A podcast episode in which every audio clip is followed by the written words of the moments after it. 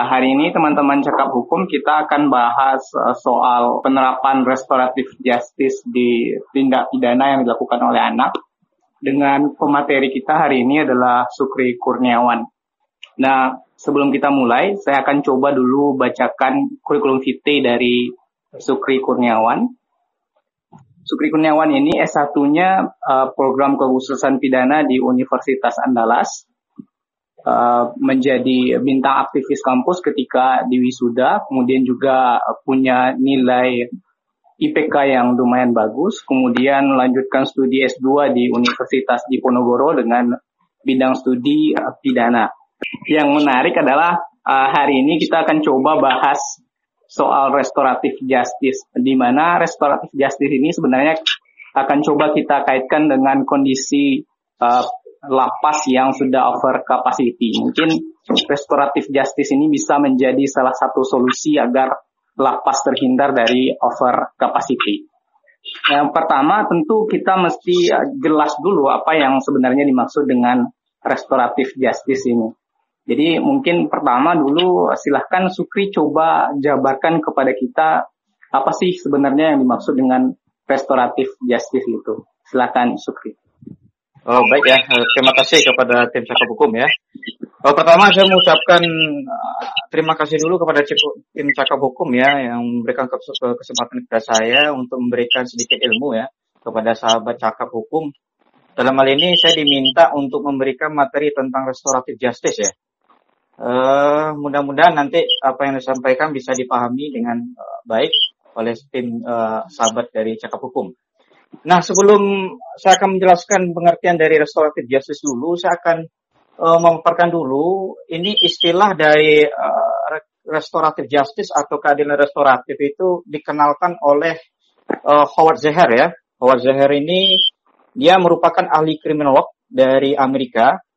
Dia mengenalkan konsep modern yaitu keadilan restoratif atau restoratif justice atau disebut juga dikenal dengan dijuluki sebagai the grandfather of restorative justice ya. Di mana beliau itu uh, memaparkan pengertian dari keadilan restoratif justice itu adalah itu ada suatu proses yang melibatkan sejauh mungkin mereka memiliki kepentingan dalam suatu pelanggaran tertentu dan secara bersama-sama mengidentifikasi dan memetakan kerugian-kerugian kebutuhan dan kewajiban dalam rangka memulihkan dan sebisa mungkin untuk memperbaiki keadaan. Jadi proses restoratif to restore yaitu artinya itu adalah setiap proses di mana korban, pelaku atau orang lain itu atau anggota masyarakat yang terkena dampak kejahatan nantinya itu secara aktif berpartisipasi bersama dalam penyelesaian hal-hal yang timbul dari uh, kejahatan itu nanti sering kali nantinya dibantu oleh pihak ketiga yang mana pihak ketiga itu nantinya tidak memihak dan adil gitu. Nanti ada proses contohnya itu proses restoratif itu bisa dalam bentuknya seperti gini. Ada mediation, convention atau sentencing circus ya. Nanti itu adalah cara atau model pencarian keadilan yang bertujuan untuk memulihkan atau memperbaiki dengan diskusi melibatkan seluruh uh, pihak terkait yaitu dengan korban, pelaku dan masyarakat. Nah, nanti itu uh, Iswaji ada beberapa model pendekatan ya atau pendekatan dalam uh, model restoratif justice kalau tidak salah ada lima, tapi saya sebutkan salah satu nanti. Nah, di Indonesia itu kalau kita kenal itu namanya uh, apa ya musyawarah untuk mufakat ya. Jadi gini. Oke. Okay. Jadi uh, sebenarnya itu juga dikembangkan nantinya istilah restoratif justice oleh uh, Albert Eklas ya pada tahun 1977 ya. Dia nanti akan mencoba uh, membedakan tiga bentuk peradilan pidana gitu. Nah, ada tiga itu. Yang pertama itu adalah retributive justice ya. Yang kedua ada distributive justice, yang ketiga ada restorative justice. Nah, fokus dari restorative justice menurut dari uh, Albert Eklas ini itu adalah menghukum pelaku atas kejahatan yang telah dilakukan olehnya gitu. Uh, yang kedua ada distributive justice. Fokus di sini adalah untuk merehabilitasi pelaku.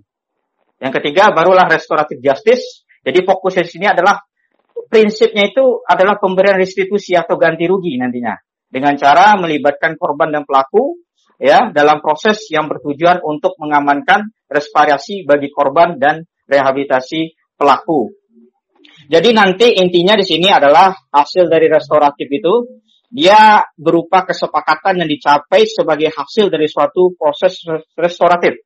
Artinya memulihkan keadaan seperti semula gitu. Hasil restoratifnya nanti bisa berupa restitusi nantinya atau ganti rugi atau nantinya bisa berupa pelayanan masyarakat dalam program lainnya dirancang untuk mencapai tujuan perbaikan kondisi korban masyarakat dan nantinya reintegrasi korban juga dengan um, pelaku nantinya.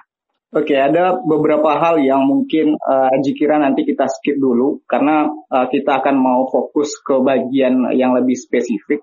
Karena kita hmm. coba uh, bahas landasan restoratif justice ini untuk uh, tindak pidana yang dilakukan oleh anak. Karena sebenarnya tindak pidana yang dilakukan anak ini penting untuk dibahas mengingat bahwa anak adalah generasi penerus bangsa sehingga punya spesifikasi yang agak sedikit khusus dengan pidana umum. Jadi uh, yang ingin dipertanyakan sekarang adalah bagaimana perkembangan penerapan restoratif justice yang dilakukan uh, terhadap uh, pelaku atau tindak pidana yang dilakukan oleh anak. Mengingat di dalam uh, sistem peradilan pidana anak, sebenarnya restoratif justice ini sudah diter diterapkan dalam bentuk diversi yang uh, di mana diversi itu diterapkan bagi anak yang uh, mendapatkan hukuman di bawah tujuh tahun. Nah, menurut Sukri, gimana penerapan restoratif justice ini terhadap pidana yang dilakukan oleh anak uh, saat sekarang?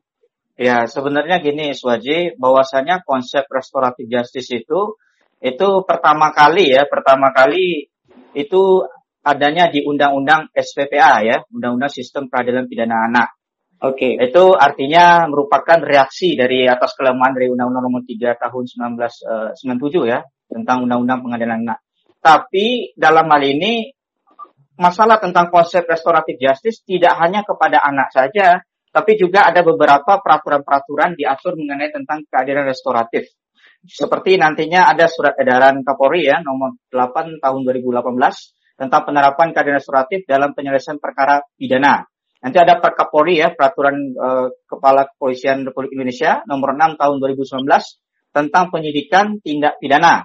Nanti juga ada Peraturan Jaksa nomor 15 2020 tentang penghentian penuntutan berdasarkan restoratif justice. Nah, kalau di tingkat nantinya di peradilan itu ada Perma, Peraturan Mahkamah Agung nomor 2 tahun 2012 tentang penyelesaian batasan tindak pidana ringan uh, dan juga penentuan jumlah pidana denda menurut KUHP. Nah itu ada nanti mengalami perkembangan dan modifikasi nantinya itu Iswaji. Tapi uh, yang paling uh, Iswaji saya tanggapi dulu pertanyaan Iswaji yang mengenai tentang konsep restoratif itu pertama kali itu diterapkan di Undang-Undang SPPA, di mana situ ada terdapatnya keadaan restoratif gitu ya. Oke. Okay.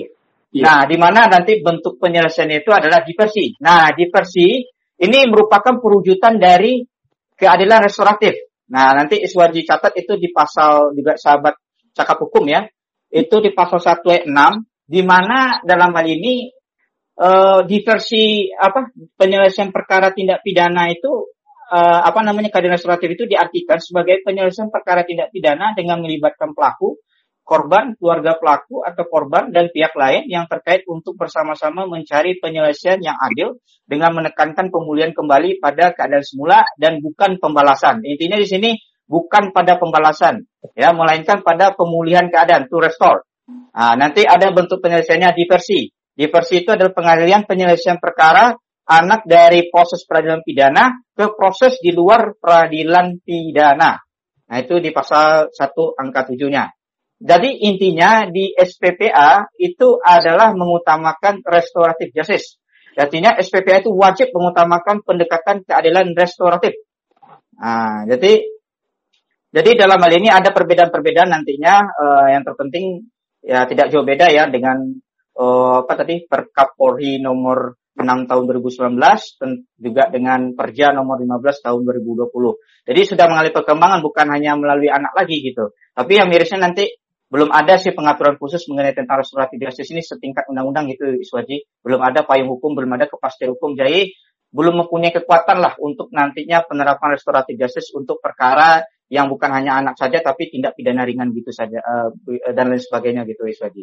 Okay. Nah nanti kalau masalah tentang anak ya, anak ini sebenarnya gini, sebenarnya diversi ini sebagai ini syarat untuk penghentian penuntutan sebenarnya. Nah di pasal 7 Undang-Undang SPPA itu sudah dijelaskan bahwasanya penyidikan, penuntutan, dan pemeriksaan anak di pengadilan negeri wajib diupayakan di Nah, nanti di situ ada dicatat itu uh, dengan syarat tindak pidana itu dilakukan atau diancam dengan pidana paling di bawah tujuh tahun, ya kan? Iya. Bukan merupakan pengulangan atau residivis, ya kan? Nah, nanti Berbeda nantinya dengan peraturan-peraturan lainnya juga ada lebih detail, lebih rigid lagi mengaturnya tentang tersangka baru pertama kali melakukan tindak pidana, ada juga tindak pidana hanya diancam dengan pidana denda, ada juga nanti tindak pidana itu dikategorikan ringan itu apabila tidak melebihi dari 2 juta nilai kerugiannya ya, 2 juta 500 e, ribu rupiah ya. Dan juga nantinya uh, undang-undang SPPA juga diversi itu tidak dimaksudkan untuk dilaksanakan terhadap pelaku tindak pidana yang serius Artinya di sini ada prinsip yang nama insignificant, ya, tindak pidana yang kategorinya ringan. Misalnya, eh, tapi kalau dalam hal ini, tapi tidak dimaksudkan yang kategori yang serius gitu ya, seperti pembunuhan, pemerkosaan, pengedaran narko narkoba, terorisme, atau yang diancam dengan pidana di atas 7 tahun. Itu tidak bisa dilaksanakan yang namanya eh, diversi. Dan begitu juga dengan peraturan-peraturan yang disebutkan tadi, Perja nomor 15, Perkapolri nomor 6, dan ada nanti tadi uh, Perma ya nomor nomor 2 tahun 2012. Oke, Sukri untuk uh, kita lanjut ke bagaimana pelaksanaan dari diversi itu di sistem peradilan pidana anak. Nah, di dalam diversi itu kita tahu bahwa di situ ada pelibatan korban di dalam uh, menangani kasus. Nah, dalam hmm. artian hmm. bahwa korban juga perlu memberikan persetujuan terhadap pelaksanaan diversi. Nah, bagaimana kalau korban seandainya tidak memberikan persetujuan untuk dilaksanakan diversi terhadap kasus yang ditimpanya, misalnya kasusnya di bawah tujuh tahun dan itu bukan merupakan pengulangan. Ini gimana, Sukri? Oke, jadi gini dalam uh, diversi ya, dalam ini merupakan perwujudan keadilan restoratif justice dalam perkara anak ya. Oke. Ini perkara anak aja ini ya, Iswadi, bukan perkara yang lain ya. Bukan, kita fokus ke anak aja hari Oh iya, sebenarnya perkembangannya bukan lagi ke anak, tapi sudah larinya ke ini. Ke... Tapi kita belum ada pengaturan khususnya gitu ya. Tapi ya. nama masalah anak ya. Jadi, jadi hal-hal yang harus diperhatikan ya dalam proses diversi ini, yang kepada anak terutama ya. Ya. Uh, yang pertama itu harus memperhatikan kepentingan korban dulu. Karena dalam hal ini, ini ini merupakan reaksi ya, reaksi dari sistem peradilan uh, pidana anak itu yang dalam hal ini berorientasi pada pelaku ya, berorientasi pada pelaku. Tapi dalam hal ini tidak ada berorientasi pada korban. Pada korban di sini adalah yang paling dirugikan kan? Oke. Okay. Nah, maka dalam hal ini dengan hadirnya keadilan restoratif ini memberikan peluang atau artinya memberikan tempat kepada uh, korban untuk diperhatikan ya kondisinya itu. Nah, dan juga nantinya memperhatikan kesejahteraan dan tanggung jawab anak. Ya, anak dalam hal ini tetap merupakan kaum rentan, perlu mendapatkan perlakuan khusus. Ya, berbeda dengan orang dewasa. Karena di sini anak dikategorikan rentan hukum. Rentan hukum nanti selain anak juga ada manula, manusia lanjut apa? Usia lanjut gitu kan. Ada juga nanti penyandang disabilitas dan sebagainya gitu. Dan juga ini yang perhatikan sekali adalah stigma negatif. Nah, dengan adanya diversi ini bisa menghindari anak ini stigmanya dari negatif dari masyarakat. Jadi anak itu diupayakan jangan sampai terdoktrin ya atau di dicap itu sebagai anak yang yang apa ya namanya pelaku kejahatan tapi dengan diversi ini bisa dipulihkan kembali. Yang dulunya anak itu nakal jadi anak yang baik gitu. Oke. Okay. Dan juga diupayakan nanti ada penghindaran pembalasan. Itu yang diperhatikan ya. Pembalasan. Tadi dihindarkan dulu pembalasan. Karena dalam hal proses dalam uh, diversi ini adalah untuk pemulihan keadaan yang sebelumnya pelaku anak itu dalam kondisi posisi yang tidak seimbang dengan korban, akhirnya karena si si pelaku anak ini dan atau keluarganya itu mau bertanggung jawab dan mau menyatakan kesalahannya, mau mengganti ruginya, uh, apanya akibat kesalahan yang ditimbulkannya kepada si korban, akhirnya posisinya bisa seimbang. Okay. Ya kan? Dan juga bisa mengharmonisan masyarakat juga ya masyarakat bisa kembali dalam hidup dengan tentram, damai, aman, nantinya bisa pulih kembali dan juga memperhatikan kepatutan, kesusilaan dan ketertiban umum. Nah, selain itu eh, yang paling terpenting di sini adalah kita juga melihat nantinya kategori tindak pidananya. Kalau kategori tindak pidananya itu di bawah tujuh tahun atau tidak mengalami pengulangan bisa melakukan diversi nantinya. Itu harus diperhatikan oleh aparat penegak hukum dan juga pada usia anak. Kalau dalam sistem peradilan pidana kan itu anak yang bisa diminta pertanggungjawabkan kan umur 12 sampai 18 tahun. Oke. Okay. Ya. Oke. Okay. Dan kalau lewat di atas 18 tahun sudah dianggap dewasa, tapi di bawah 18 tahun, nah itu masih bisa diupayakan tergantung nantinya bagaimana ancaman ancamannya itu, ancaman pidananya di bawah 7 tahun atau tidak e, pelakunya itu tidak bukan residivis. Dan selanjutnya hasil penelitian dari Bapas, Balai Pemasyarakatan, nah, juga nanti juga menjadi pertimbangan juga dan juga dukungan keluarga dan juga masyarakat. Nah, bagaimana nanti kesepakatan diversi harus mendapatkan persetujuan anak nantinya, ya? Okay. Tapi ada pengecualian di sini, Swaji. Yang pertama itu tindak pidana yang berupa pelanggaran. Nah, itu tidak perlu adanya persetujuan. Yang kedua ada tindak pidana ringan. Itu tidak perlu juga. Ada juga tindak pidana tanpa korban. Ya, kalau tidak pidana tanpa korban itu contohnya seperti ini, ada perjudian, ya kan? Ada seperti uh, apa ya, perjudian uh, apa lagi ya, yang perzinaan kan itu tidak ada korban, okay. ya kan? Nah, itu dan juga nilai kerugian korban tidak melebihi dari UMR provinsi setempat. Nanti itu di di ada di pasal 9 ayat 2 Undang-Undang SPPA itu dicatat itu. Dan juga nanti Eh, pihak-pihak yang terlibat ya, pihak-pihak yang terlibat dalam proses diversi ini, okay. nanti proses diversi ini dia dilakukan itu melalui musyawarah dengan melibatkan anak, orang tua atau walinya nanti ya, begitu juga dengan korban uh, atau orang tua atau walinya, juga nanti didampingi pembimbingan mas kemasyarakatan dan juga pekerja sosial profesional berdasarkan uh, berdasarkan pada pendekatan keadilan restoratif. Nah, hal-hal yang diperlukan di sini adalah yaitu musyawarah ya, yaitu melibatkan tenaga kesejahteraan sosial dan juga masyarakat.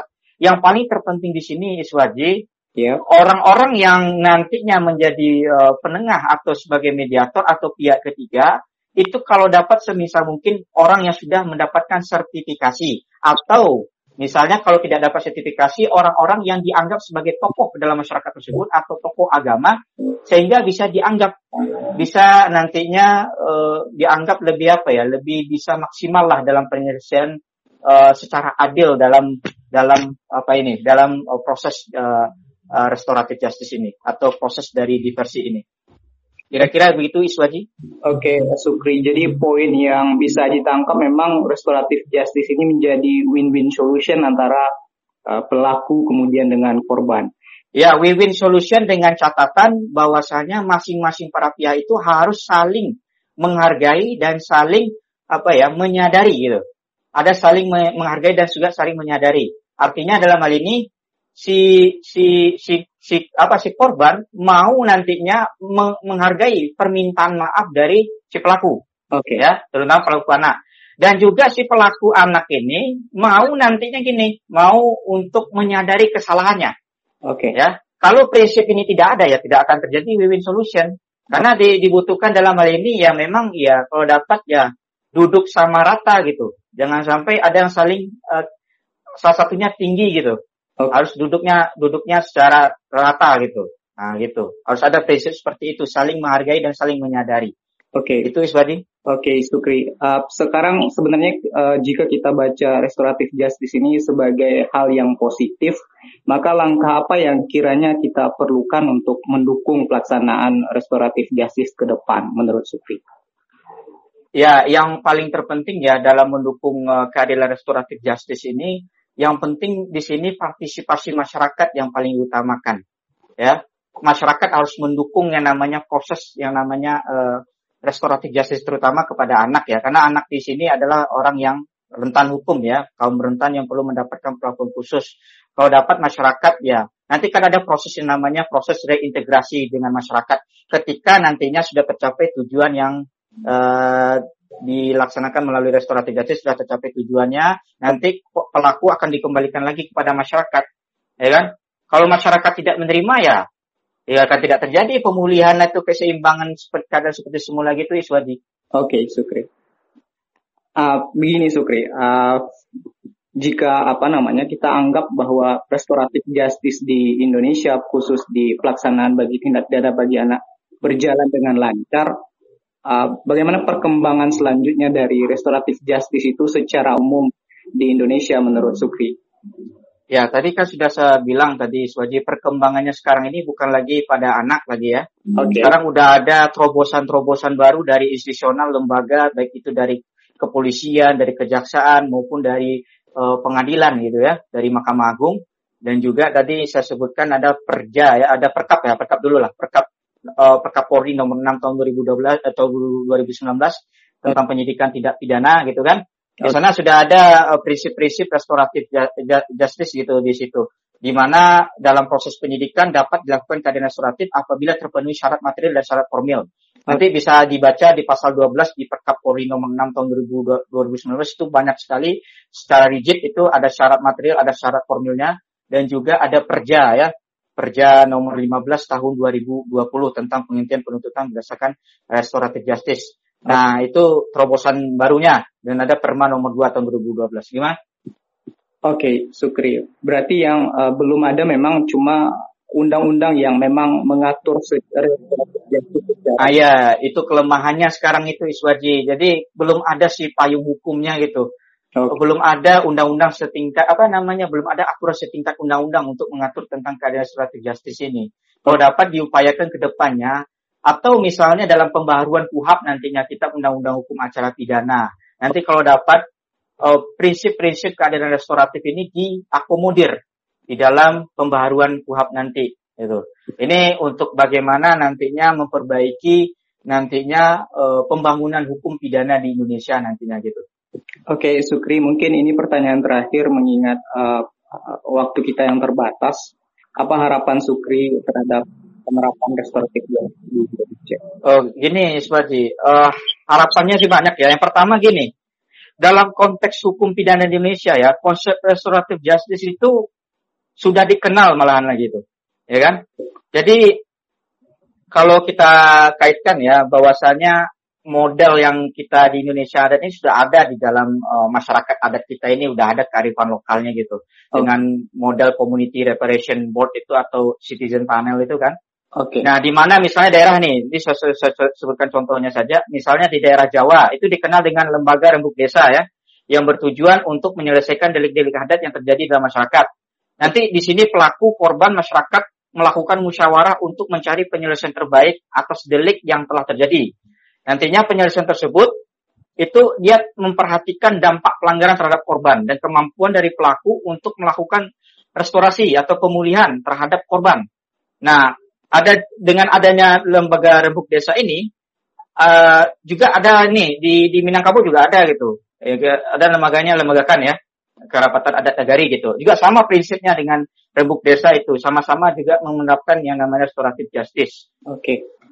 Nah, uh, yang paling terpenting di sini Iswaji, saya mengutip dari pendapat dari Brian Z. Tamanaha ya, ini bergantung nanti bagaimana karakteristik atau identitas hukum nasional kita ini. Kenapa keadilan restoratif justice ini cocok sekali dengan uh, karakter dalam penyelesaian hukum atau penyelesaian perkara di di di uh, Indonesia ini. Oke. Okay. Di mana hukum yang baik menurut menurut uh, Brian Zetamana itu adalah cerminan dalam masyarakat. Nah, kalau kita kaitkan berdasarkan pada antropologis dan juga kepada kultur hukum masyarakat Indonesia itu, Hmm. Itu lebih kepada cara penyelesaian ada secara musyawarah.